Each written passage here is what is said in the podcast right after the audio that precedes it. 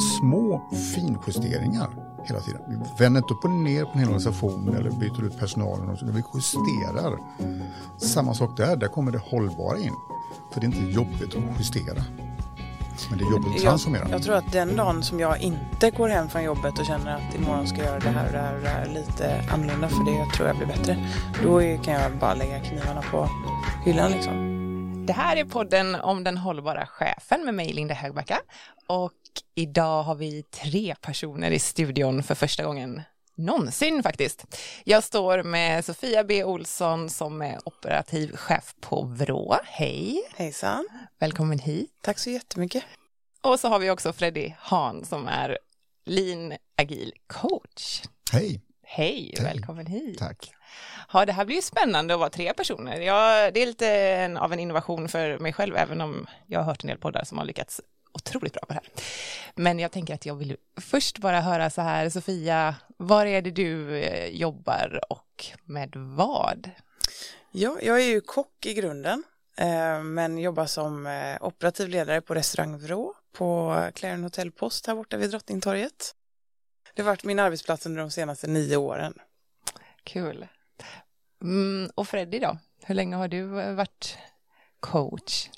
Jag har jobbat med, med eh, ledarskapsutbildning sedan slutet på 90-talet. Men, men, just det agila spåret slog jag in på ja, ungefär 2008-2009 någonstans där cirka. Mm. Mm. Jag känner nu när vi ändå har en kock här, jag funderar ju ibland över meningen med livet och kommer alltid fram till att det är mat. Hur känner ni eh, kring det? Ja, det är absolut en väldigt stor, eh, en väldigt stor mening med livet, absolut. du får liksom jobba med meningen med livet, det är ju ja. fantastiskt härligt. Ja, men det är, jag är väldigt så driven av eh, passion och eh, eh, engagemang och intresse. Så att för mig har det varit väldigt eh, roligt att få jobba med det jag älskar så mycket. Hur började det då? Ja, men det har väl alltid funnits där, själva matbiten hemifrån som för många andra kockar, både mamma och mormor. Eh, har haft en stor passion och eh, det, det, har alltid varit synonymt med glädje för mig. Och gemenskap och, och också ett fritt kreativt skapande.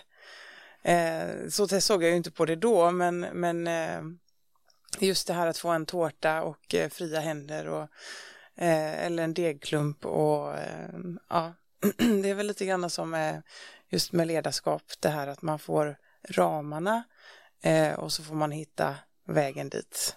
Eh, och det tyckte jag var oerhört eh, lustfyllt och roligt under alla år. Så att, eh, men, men sen så var det väl lite sådär att jag hade en ambition att bli någonting eh, där man skulle läsa på universitetet. Min mamma ville gärna att jag skulle ha den möjligheten och, och skaffa mig en ordentlig utbildning, som många andra föräldrar. Eh, men det var nog någonstans runt 20-årsåldern som jag insåg att jag behöver jobba med händerna och hjärnan och gå samtidigt för att eh, hålla mig vaken i princip. Så att eh, när jag väl hittade kockyrket så var det som att, ja, det var bara som att eh, hitta hem. Att eh, äntligen har jag hittat det som jag är bra på som, som stimulerar liksom alla sinnen på samma gång. Och Freddy, du, som, sedan 90-talet har du varit coach. Hur kom det sig? Ja, alltså det är egentligen en ganska, också som, som, som kommer med hemifrån, en ganska sorglig historia. Men min, min eh, pappa, han, han bokstavligt talat jobbade ihjäl sig. Och, och, och ehm, jag var bara 14 år gammal när han försvann. Han var 45 då. Eh, och, och, det ligger till grund för väldigt mycket, alltså en, en eh, vad jag kallar för en smartlathet eh, som man tillämpar väldigt mycket inom, inom eh, lintänket som hela det här agila tänket är sprunget ur. Alltså att göra så lite som möjligt för att leverera work less, deliver more, lite grann faktiskt så. Och väldigt mycket fokuserat på att minimera eh, moda, slöseri. Så, så att det, det, finns väldigt mycket mappningar mot, mot det, det hållbara. Liksom, så, så att jag, jag, jobbar med, mitt jobb är att predika för folk att jobba mindre och göra rätt saker. Det låter ju fantastiskt, det ska bli jättekul att få lära mig. du kan bli coach här. kan man vara smart lat i restaurang? Eh, Ja, det vet jag inte riktigt. Jo, det jag ska fråga det, Freddy. Nej, det är, klart, det är klart att man kan. Alltså, på ett sätt kan man ju säga att effektivitet är ju att vara smartlåt. Alltså att lägga resurserna på rätt saker och på något vis är det så att när man jobbar i ett kök till exempel eller i en restaurang liksom, i driften så har man alltid kniven mot strupen och man har alltid liksom kampen mot klockan. Det gör ju att man hela tiden tvingas att sortera bort saker och att eh, ha en eh, liksom, inre ordning i hur, vilka moment man gör först.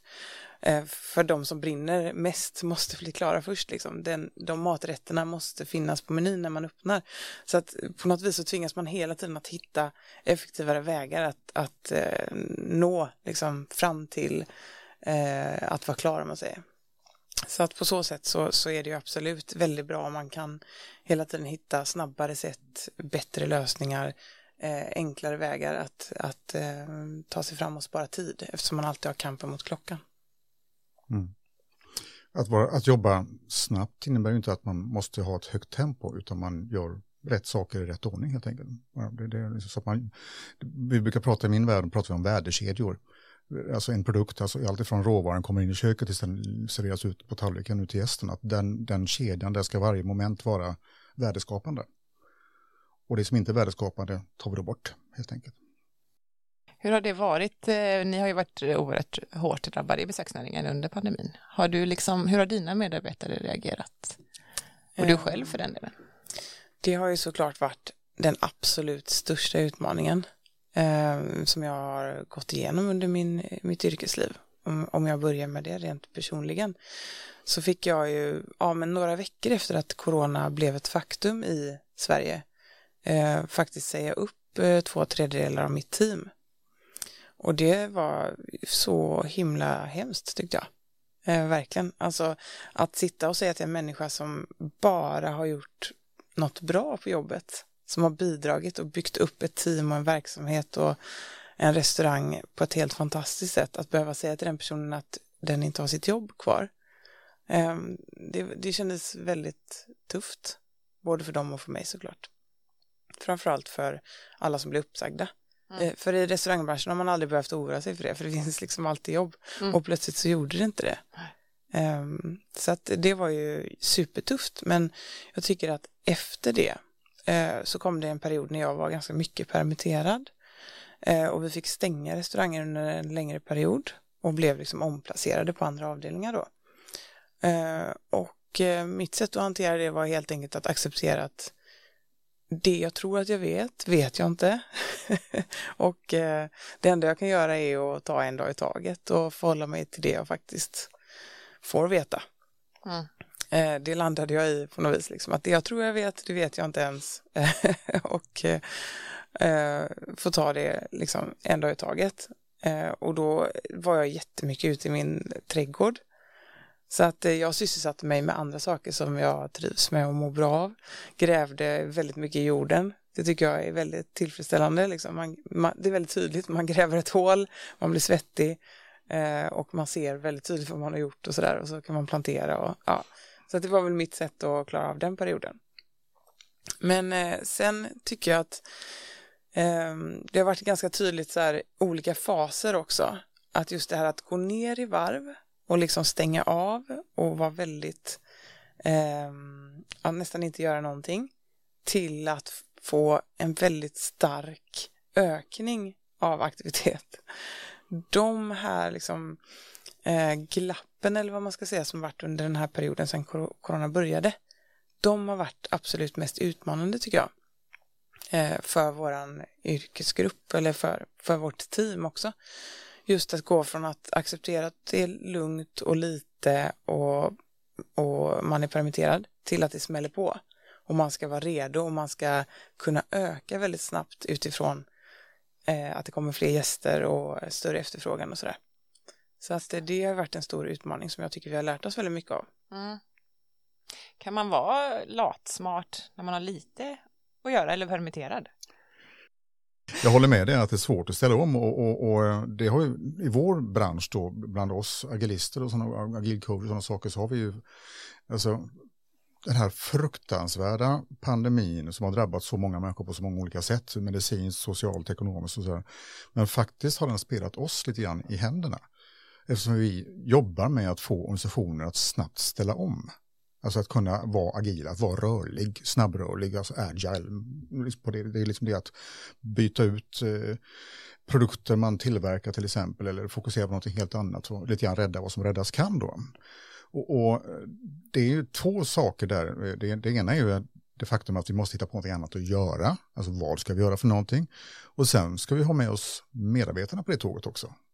Att, att liksom få ett, ett agilt mindset, ett förändringsbenäget mindset, att vilja att byta ut sin åsikt som man hade igår. För att vi har ju lärt oss väldigt tydligt under de här senaste 14-15 åren att man kan inte se in i framtiden. Det kunde man inte innan heller, men nu blir det så uppenbart.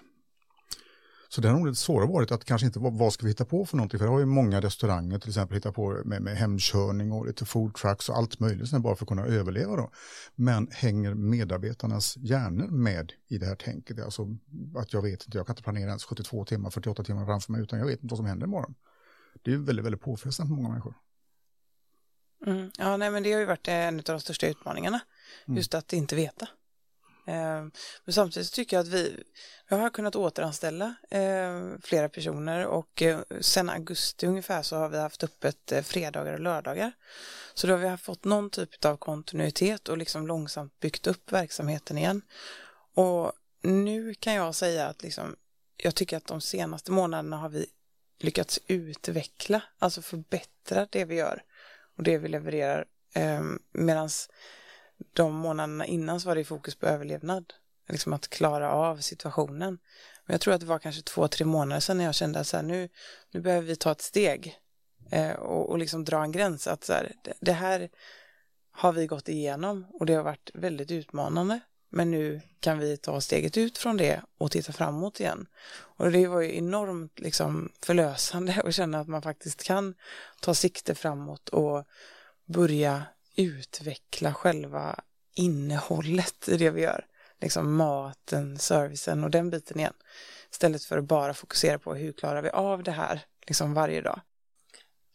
Är det någonting som liksom du kommer ta med dig till framtiden från den här perioden, alltså i form av agilitet. Jag tänker, ni har ju som du sa varit snabbfotade och bytt utifrån behov och sådär alltid, mm.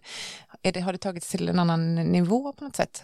i och med den här agiliteten som ni tvingades till? Liksom. Ja, det tycker jag verkligen. Alltså, och, och nu är vi ett li väldigt litet tight team också. Och jag hade ju min roll som operativ chef tagit ett steg bort från den dagliga driften i köket. Eh, men nu har jag ju stått i köket varje helg i princip sedan augusti. Så att för mig har det blivit att jag har tagit ett steg eh, tillbaka till det direkta ledarskapet lite mer. Eh, vilket jag trivs väldigt bra med. Alltså det, det, passar mig väldigt bra. Jag tycker någonstans att det varit tillfredsställande i, i den här krisen att jag ändå haft kontroll på maten och köket och alltså det blir väldigt tydligt för mig eftersom det är så jag jobbat under många år tidigare så det varit skönt att, att ha det och hålla sig i på något vis och att vi alla i teamet har jobbat varje pass tillsammans. Så vi har blivit otroligt sammansvetsade och de som är, är kvar och de som är med har liksom också kunnat lyfta blicken och, och ha en fantastisk motivation framåt och, och en vilja att liksom fortsätta utveckla. Så att nu känner jag att här, vi har gått igenom det här tillsammans, vi har klarat av alla de här utmaningarna. Eh, och det har ju sammansvetsat oss oerhört mycket. Så att den, den kulturen som vi har, som vi alltid har jobbat med, den har blivit om ändå starkare. Eh, och det, det är en väldigt härlig känsla när man är en del av ett team och man känner att vi kan klara vad som helst. Liksom. Eh, det finns ingenting som kan stoppa oss. Så det, det är oerhört motiverande. Stärkta ur krisen helt Ja, enkelt. verkligen. Ja. Finns det, Freddy, några liksom, strategier man kan använda sig av Alltså när man tänker att man ska ställa om till den om vi nu tar det här som ett exempel, man går stärkt ur krisen, agiliteten eller förändringen har liksom stärkt teamet. Finns det några strategier att använda sig av för att liksom komma dit? Ja, det finns väl flera olika, alltså det finns både verktyg och strategier, men, men just fokusera hela tiden på, på alltså, kommunicera och hela tiden entusiasmera, att, att hela tiden inte försöka sopa någonting under mattan öppenheten, prestigelösheten och så vidare är oerhört viktig och när man får kanske fatta då väldigt, väldigt obehagliga beslut och, och, kunna hela tiden ha med teamet, ta med medarbetarna i det här beslutet, låta, man, låta dem hela tiden åka med. Öppenheten, transparensen är oerhört viktig för att kunna, liksom, kanske inte de tycker om det från första början, första dagen eller första veckan, men man får något sätt, på något sätt acceptera att så här är det och det här är de förutsättningar vi har. Det här är de pengar vi har, det är de här lokalerna vi har, det, det, det är så det som finns kvar just nu. Så vad kan vi göra för någonting med det vi har? Och inte fokusera så mycket på det som är tokigt, det som är tråkigt, utan bara lägga den mentala energin på det som alltså går att verkligen göra med de små resurser vi har. jag tycker det är just det där att se, för nu har vi ju haft olika restriktioner eh, och för oss har det inneburit egentligen att vi fått ändra hela vårt arbetssätt varje gång det har kommit en ny tidsram att förhålla sig till. Och det är ju lite svårt kanske att ha insyn i när man inte jobbar i, i våran bransch, men det har varit väldigt, väldigt utmanande då. Att så här, nu ska alla gästerna gå hem klockan åtta. Det innebär att alla gäster kommer klockan fem och då innebär det att vi har tre timmar på oss att leverera det vi brukar göra på sex timmar. Eh, och eh, utöver det så har vi en väldigt tuff ekonomisk situation så att vi behöver vara mindre personal. Så att, eh, den, den liksom situationen har vi haft och, och den är, har ju varit helt annorlunda från hur vi har jobbat tidigare. Då man kanske har tre sällskap i halvtimmen som anländer till restaurangen. Man har gott om tid att ta emot dem och man har gott om tid att laga maten. Och man behöver inte egentligen ha några begränsningar. Medan nu har det varit att alla behöver komma klockan fem för att vara klara klockan 20. Eh, så det, det, det har ju liksom kastat runt hela vårt sätt att jobba. Eh, och det var jättetufft de två första dagarna. Liksom. Vi, vi är totalt överkörda. Eh, men att där och då, då kunna säga att okej, okay, vad är det som händer här? Hur behöver vi förändra vårt sätt att jobba för att klara av det här på det sättet vi vill? Och sen genomföra det tillsammans och se för varje helg som har gått att det blir lite bättre. Och i slutändan så levererade vi på topp. Eh, trots liksom, alla de här svårigheterna som vi inte trodde nästan att vi skulle klara av. Eh, den, den tillfredsställelsen och liksom, samhörigheten och motivationen som vi kände som team då. Att så här, vi trodde knappt att vi skulle klara det. Vi hittade lösningarna tillsammans. Vi hjälptes åt framför allt, alltså vårt samarbete har blivit bättre än någonsin. Alltså vi från köket har pausat och gått ut med mat i matsalen. Alltså vi har verkligen liksom backat varandra eh, i praktiken varje dag eh, och jobbat som ett team. Och, så att nu känner jag att det här har lärt oss så mycket om hur mycket vi kan samarbeta och mm. hjälpas åt för att nå våra mål. Liksom. Det syns inte i mikrofonen men jag får goosebumps när jag hör det prata. Så det är, jag bara, oh, underbart. Ja, det är en fantastisk eh, känsla. Mm. Team, together everyone achieves more. Just det. Mm. Du sa transparens i förra meningarna som du mm. sa. Är, är det alltid så? Är det en transparent organisation agil? En agil organisation är alltid transparent. Ja, så absolut. Ja. så, så, så, så, i den ordningen tror jag vi ska ta det. Eh, alltså, det, det, stuprör gör ingen som helst nytta på insidan av en kåk. Liksom, de ska vara på utsidan om det ska finnas någon nytta med det. Att hela tiden kommunicera, man kan nästan inte kommunicera för mycket. Och, och gärna då, då pratar jag inte om mail och, chatt och slack och annat sånt där, utan det är alltså walk, walk the talk. Uh, lead by example, lite grann sådana saker. Alltså gå runt och, och hela det agila eh, förhållningssättet kommer från början från lean och det kommer från japansk filosofi. Lean finns inte i Japan men den filosofin det, det heter så i Västeuropa och i USA. Men det finns ett uttryck på japanska som heter genshi genbutsu. Det är alltså go and see, go gemba. Alltså du, du, du, måste vara på plats, du måste vara ute i restaurangen, du måste vara i köket, det är där besluten fattas, där de verkligen arbetet utförs. Du kan inte sitta i ett kontor på 12 våningen med något CAD-program eller något annat och se att så här ska vi göra. Så att den här snabba omställningen som, som man kan göra, den, den bygger på att man har väldigt, väldigt tät kontakt med verksamheten och verkligheten och dagsformen. Det är mm. det det går ut på. Den här gången var det ju väldigt lätt att identifiera vad problemet var. Det var liksom covid-19 och mm. restriktioner som var mm. problemet. Hur identifierar man det problemet när vi inte är i en pandemi?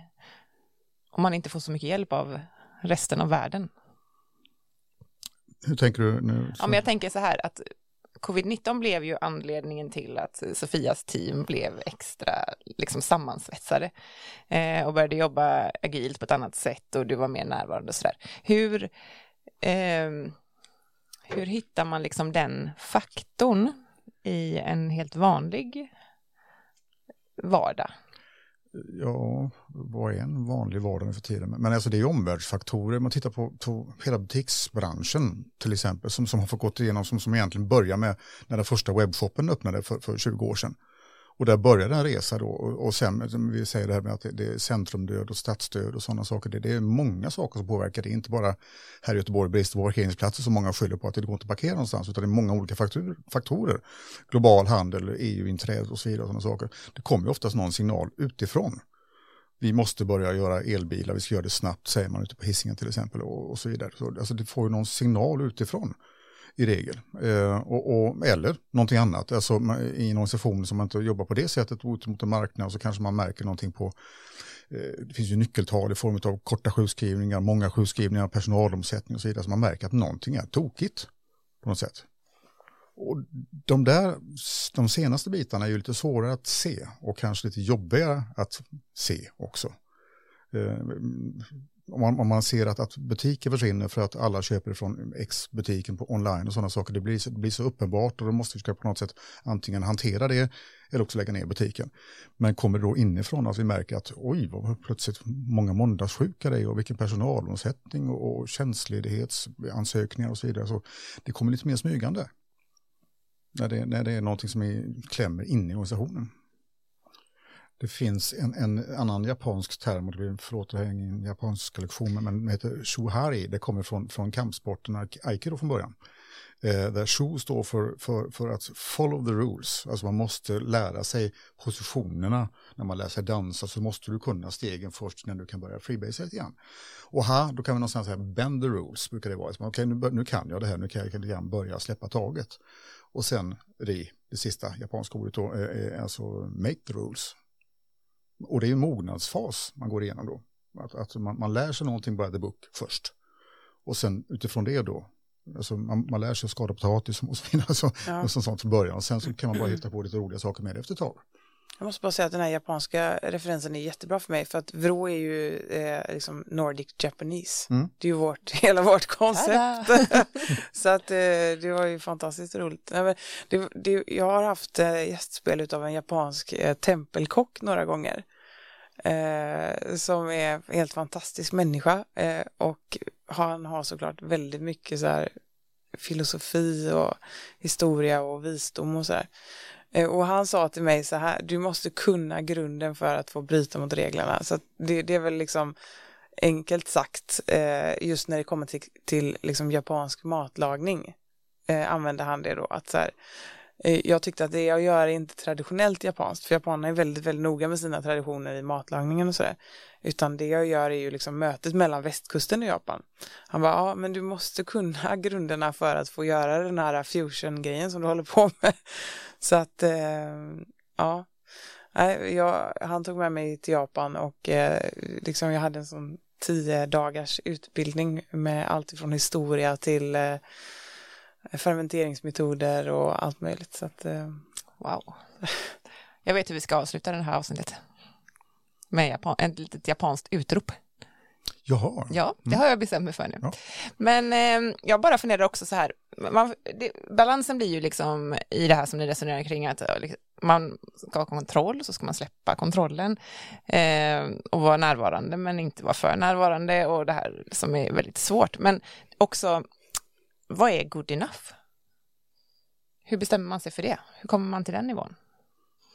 För på något sätt så måste man ju ändå liksom bestämma sig för att här är jag nöjd liksom.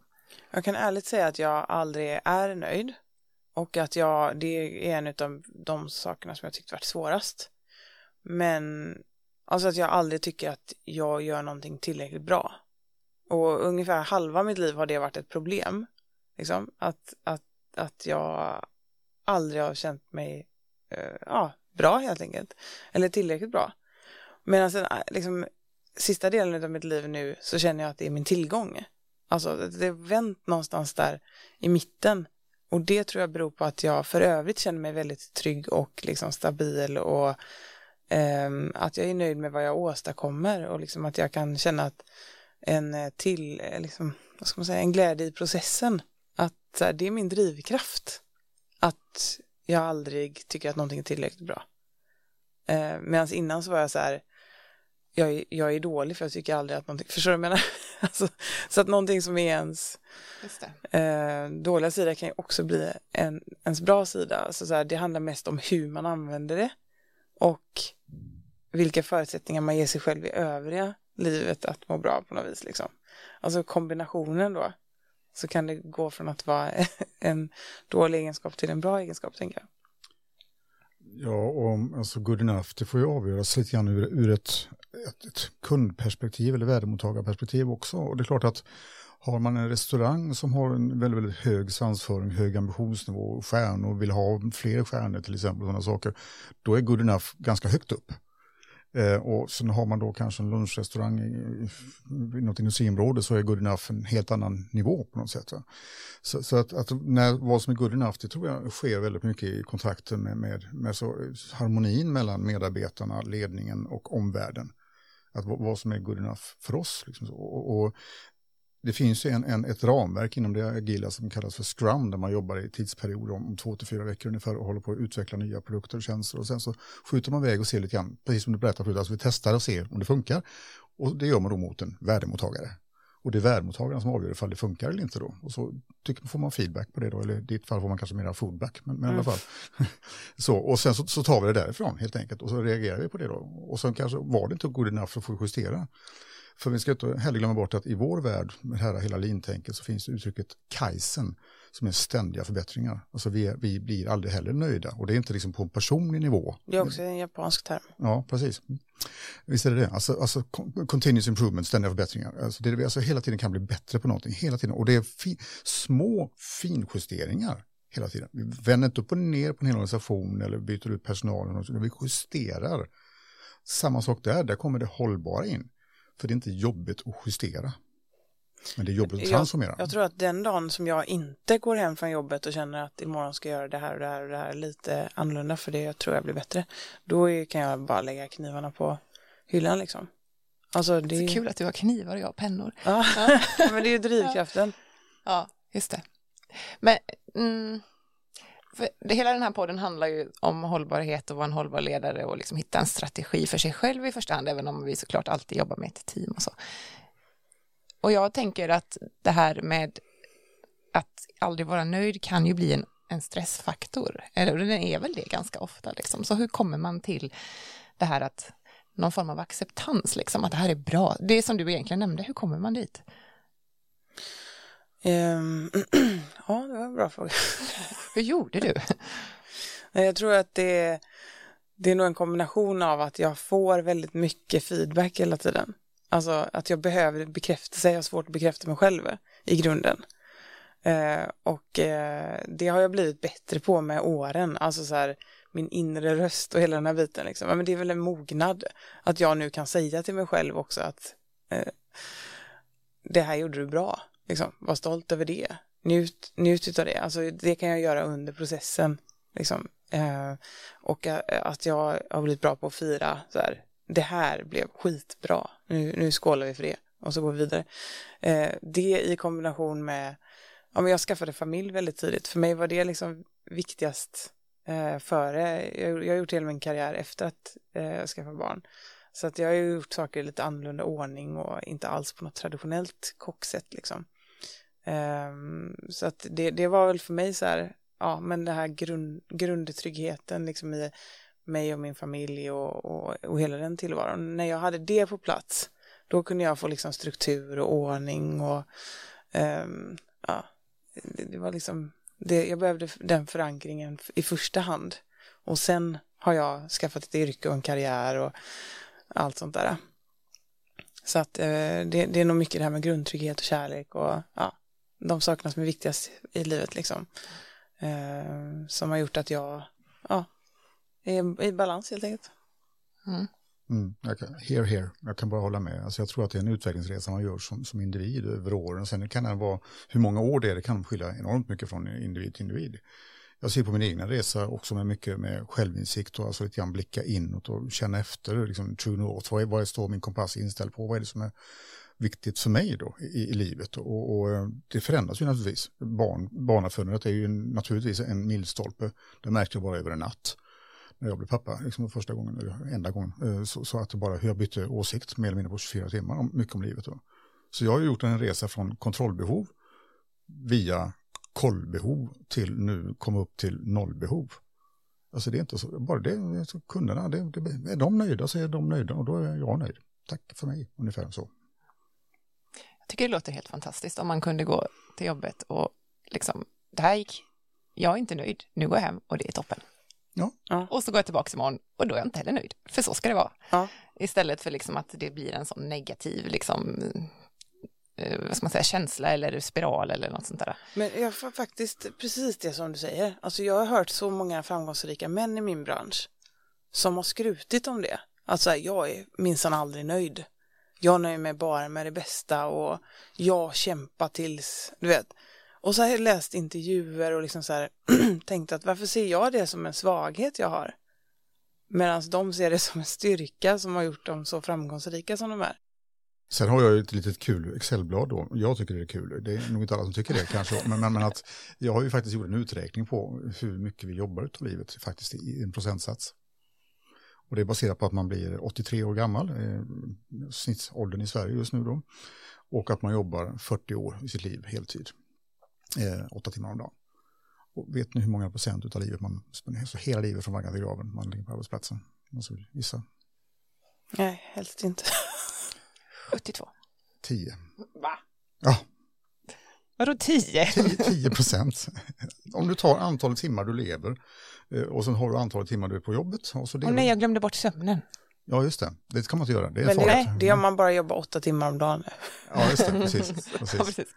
precis. Ja. Och jag har ju kommit till att jag blir imponerad av människor som jobbar fyra timmar om dagen och ändå får lika mycket gjort. Ja, det håller jag med om. Alltså det, det, det är alltså folk som skryter om att de gör 100 timmars vecka. Jag tycker, jag tycker bara synd om dem. Jag tycker bara jättesynd om dem.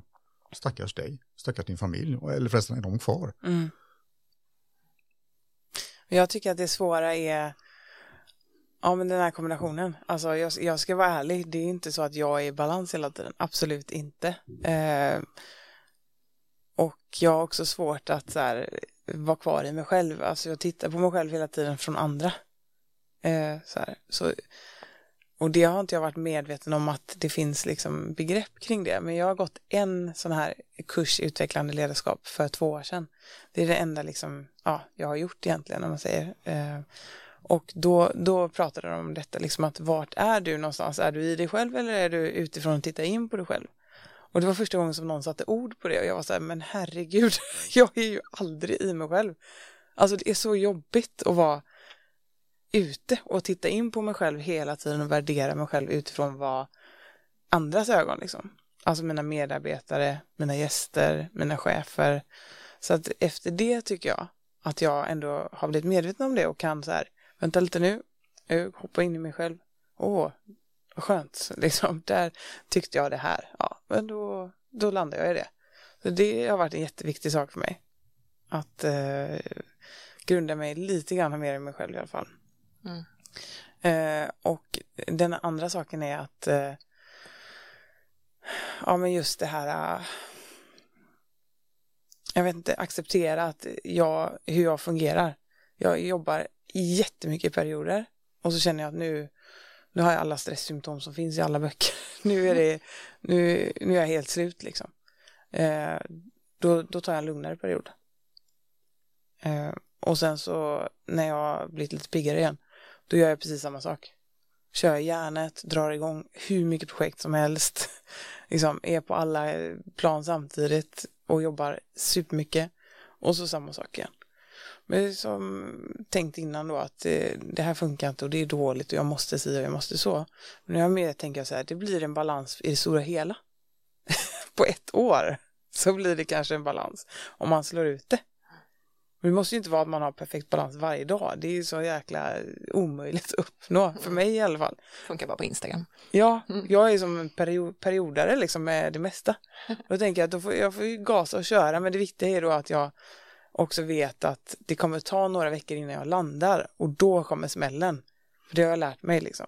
När man är i det, då tackar man ja till allt och tror att man orkar allt. Och det är först när man liksom varvar ner som man känner hur jäkla trött man är och vilken återhämtning man behöver. Så att mer det där är viktigt för mig.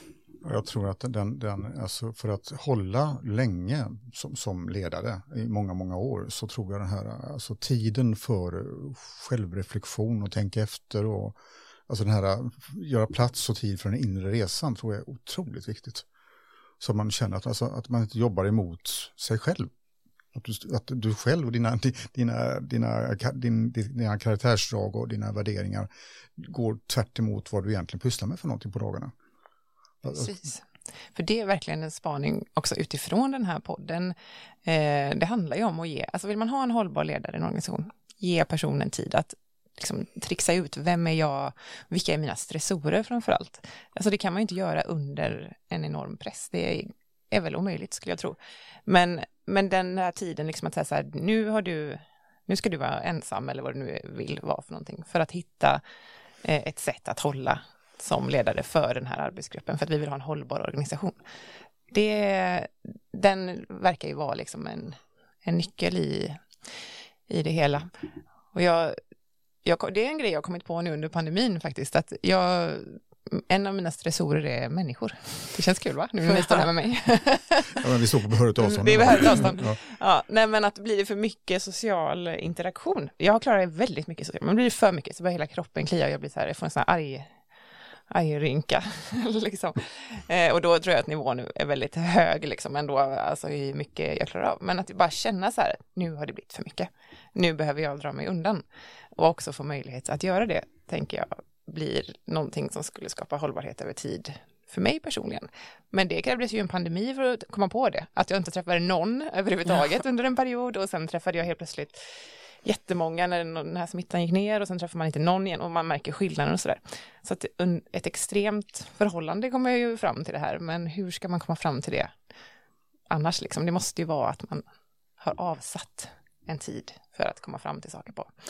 Ja, eh, min mamma har väldigt lång erfarenhet som ledare och att leda i olika eh, sammanhang. Så att jag har fått mycket hemifrån ska jag säga. Alltså jag, sa, jag har inte gått några utbildningar eller så men jag har fått med mig väldigt, väldigt mycket eh, tänk hemifrån och jag frågar alltid henne om råd. Hon är ju som min, eh, min egen coach. så att, eh, ja, verkligen. Eh, men då frågade jag henne vid något tillfälle hur ska jag liksom se till att för jag har chefer under mig liksom, som jag vet jobbar väldigt, väldigt mycket. Hur, hur ska jag eh, kunna hjälpa dem att, att få en hållbar situation. Så eh, och då sa han att ställ frågan liksom, när, när du ska anställa eller när, när personen ska få en, en ledarskapstjänst eller så. Att så här, vad behöver du för att återhämta dig och klara av den här tuffa, alltså man vet att det är en person som överpresterar liksom. som kommer att jobba mycket, som kommer vilja jobba mer än 40 timmar och sådär. Eh, ställ frågan. Vad behöver du i form av återhämtning för att klara av den här tuffa liksom, eh, rollen? Eh, behöver du jobba hemifrån en dag i veckan? Behöver du eh, fria tider eller liksom, vad, vad, behöver du? Behöver du träna på lunchen någon gång i veckan? Alltså, och, och, bara den känslan att någon skulle ha frågat mig, vad behöver du? Så här, för, för jag vet att jag behöver kunna sitta hemma i morgonrocken och jobba vid datorn någon dag i veckan till exempel. Det är ju fantastiskt för mig. Eh, eller, eller kunna gå ut med hunden en lång promenad och ta jobbsamtal samtidigt. Då klarar jag liksom resten sen med massor med folk som du säger och stress och så. Eh, men det där är ju olika för alla. Så att just den, alltså jag tror den, den är ganska enkel. Speciellt när folk är lite äldre. Man har hittat det där, vad man behöver. Liksom. Och är man yngre så måste man känna att det är okej också. Ja. För att, ja, det, man kan, inte jag i alla fall, hade inte kommit på att göra det själv när jag var yngre. Men ibland kan man ju också tycka, för jag har ju gjort så ibland att jag har sagt att ja, men reflektionstid, ta reflektionstid på riktigt, gör det. Jag mm. vill att du gör det. Eh, men svaret blir ofta så här, men det går inte. Jag hinner inte. Eh, så att det, det är liksom bara att säga det som chef eh, till chefer eller chef till medar, liksom medarbetare så jag tycker inte riktigt att det har räckt liksom. Nej, och det är klart att det där är ju någonting som är, är i många, många branscher, privat och offentligt överallt, att alltså folk, det är så oerhört mycket att göra. Men när man i, i min profession då börjar lite grann rota det där, så märker man ju att det faktiskt är väldigt mycket som går att ta bort. Alltså det bara blir så, det, förmodligen inte i, i restaurangbranschen på samma sätt, men, men, jag tänker tjänstemannaarbete det är någonstans när du mestadels sitter framför datorn och läser mejl eller skriver mejl eller sitter i massa möten som du kanske inte riktigt vet varför du är med på de mötena och inte de ger någonting alls och så är de dessutom alldeles för långa och ni får inte gå ut och ta paus. någonting. Det, det, jag tror att många, många, många, många, många, många tjänstemän i Sverige kan nog egentligen rensa ganska mycket i sin outlook och sin arbetsdag och kunna få loss tid om man verkligen prioriterar en av mina, jag är inte en troende människa, men jag lånar lite tekniker från alla möjliga varianter, både från buddhism och allt annat, men från it-branschen har jag tagit med mig Moskov. Must, should, could, would be nice. Så, och det här är verkligen viktigt då. Och de här musten, alltså, det finns statistik på det, det brukar oftast bara vara 20% av arbetsuppgifterna. Mer än så är det inte. Alltså en dag i veckan. Resten är utfyllnad. Ja, jag tycker att de här, eh, oftast så får jag den, den reflektionstiden när jag gör uppdrag Eh, alltså jag har en del så här, kanske gästspel i Stockholm eller åker på och är med i något, eh, ja, olika grejer. Så när jag sitter på tåget eller bor en hotellnatt, även om jag jobbar med något helt annat då, så är det bara det här att man kommer fysiskt iväg lite grann eh, från de vanliga uppgifterna. Det, det gör ofta att jag får den tiden att reflektera över saker och ting. Eller om jag och min närmaste till exempel går ut och äter en middag en kväll. Eh, alltså det här man får flytta sig från, från liksom arbetsplatsen. Det brukar vara väldigt bra, tycker jag. Mm. Ja, men det är sant. Mm, lite tips och tricks. Du, eh, det här med hållbarhet kontra agilitet, Freddy. Hänger de ihop? Ja, agilitet leder ju till hållbarhet. Det blir inget kontra. För att en, en, agil ledare är ju den här agila, den personen som kan, som kan ta ett steg tillbaka och, och förvalta och coacha och stimulera medarbetarna. Eh, jag har sprungit på många så vi det, kunder, klienter som, som jag har jobbat med kanske ett par års tid som, som kommer och tackar mig. Eh, för att när de har lyssnat på mig eh, några gånger så, så märker de att just det, det är så mycket jag kan släppa taget om det var någon, till och med en kvinna som var framme och kramade om en gång. Som sa, tack för att nu får jag äntligen göra det som jag är anställd för. Jag har sprungit omkring och släckt bränder i flera år. Men nu har jag tagit bort och sen har jag tagit ett steg tillbaka. Så hon mådde ju toppen. Och medarbetarna mådde också toppen runt omkring henne för att de fick verkligen kunna påverka sin arbetsdag. Så att ett agilt, hållbart, ett agilt ledarskap är definitivt per definition ett hållbart ledarskap. Mm. Ja, mycket ta bort det, det har vi ju diskuterat i den här podcasten. Eh, Sofia, jag vet du är ju intresserad av hållbarhet på flera olika sätt. Kan du inte berätta lite om det? Jo, men det är ju ja, ett sätt för mig att skapa liksom, mer drivkraft och mer motivation i, i det jobbet jag har gjort. Det är att försöka förbättra branschen också. Så att eh, om jag stöter på ett problem eller någonting som jag inte tycker funkar riktigt så, så hittar jag ofta en, en, liksom, ja, en kraft i att lösa det. Sen när jag väl har gett mig in i det så insåg jag att det här kommer bli tuffare än vad jag trodde. Men, eh, så att jag brinner för att liksom ha ett gott samvete egentligen. Eh, att gästerna ska kunna ha, äta med ett gott samvete och njuta av den upplevelsen som vi ger på Vrå. Att eh, jag ska kunna ha ett gott samvete gentemot eh, naturen, klimatet, mina leverantörer, eh, men också gentemot mina medarbetare och mina chefer. Så det har gjort att, att den visionen vi jobbar efter är liksom att, att, att bevisa att man kan driva en restaurang hållbart i alla led. För att ofta så är det så här att eh, antingen så har man en, en, en eh, restaurang som går väldigt bra ekonomiskt och då köper man ofta billigare råvaror som inte är ekologiska och så vidare. Och personalen har det kanske inte jättebra.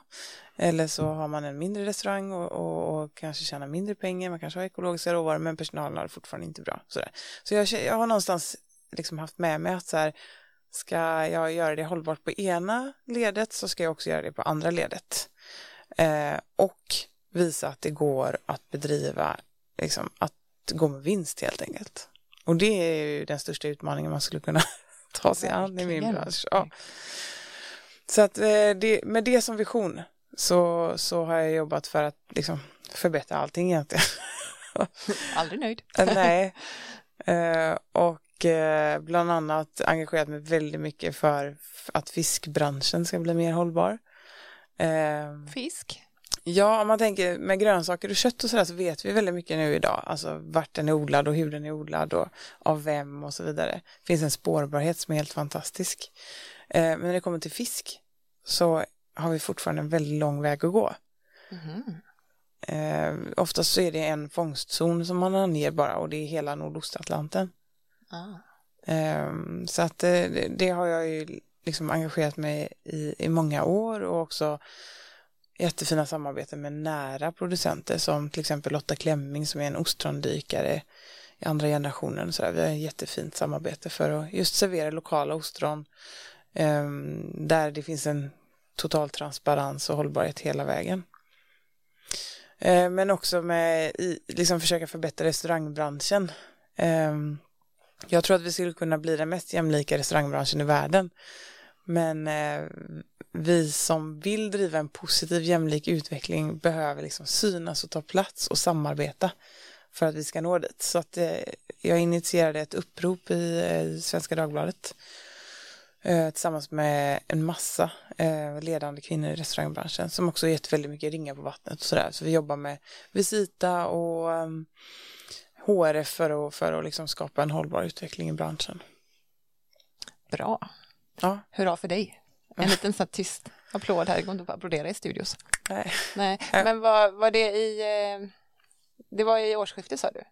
Ja, precis innan, eh, i samband med det här med Operakällan var det ju ganska mycket skriverier, eh, flera kvinnor som vittnade om massa kränkningar som de hade behövt utstå på sin arbetsplats. Så det var ju på grund av det då som jag ville sitta ner foten och visa att vi stod bakom dem som hade vågat vittna och markera att eh, det är inte alla i restaurangbranschen som står för de värderingarna utan eh, här är vi och vi driver en positiv och jämlik utveckling. Mm. Fantastiskt.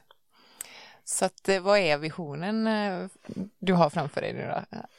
Men visionen är att alla ska må bra. Ja, just det. Mm. Det är samma som du har kanske? Ja, absolut. Ja. Alltså, no stress. Alltså, alla ska må bra. Lång, bort med långa sjukskrivningar, bort med utbrändhet och allt sånt där jobbrelaterat i alla fall. Bort med sånt. Mm, vilket, vilket avslut på den här podden, eller det här avsnittet rättare sagt. Alla ska må bra, det, det kan vi enas kring. Ja, eh, vägen är lite, den är lite snårig, men eh, det går. Jag tänker mig att vi ska länka till er från eh, våra sociala medier, alltså på hallbarachefen.se, Instagram och Facebook. Och eh, så man kan liksom hitta både restaurang och hemsidor och allt sånt där. Eh, men om man vill kontakta dig Freddy, då är det? Agilcoachen.se. Ja, mm. just det. Och du är på Vrå på Drottningtorget. Ja, Inte för att man kan kontakta dig där kanske, men... Nej, det enklaste är nog på Instagram, Sofia B. Olsson. Perfekt. Ja, jag tackar er så oerhört mycket för att ni kom idag. Det var jättekul och spännande att prata om det här. Tre personer i studion idag. Ja, tack för att jag fick komma. Tack, tack. Tack, tack. Nu glömde jag ju helt bort att jag skulle säga något japanskt, men det ska jag snart göra. Först eh, vill jag också passa på att berätta att vi på Den hållbara chefen precis har utökat podden till att bli en egen plattform för er chefer som vill hålla i längden. Och det vi kommer erbjuda är olika events utifrån det vi vet att ni chefer efterfrågar. Och det är stöd från andra chefer, reflektion, fysisk aktivitet och kompetensutveckling. Först ut så ska vi på middag till Kalvsund här utanför Göteborg. Eh, och det kommer att ske nu i september och oktober. Eh, och det kan man boka via vår hemsida hållbara Hallbara chefen.se. Mm. Eh, och ni är också välkomna att höra av er om ni vill att vi anordnar något event för en mindre grupp eller för er enskilt. Så med det sagt, tjohari och ta hand om er.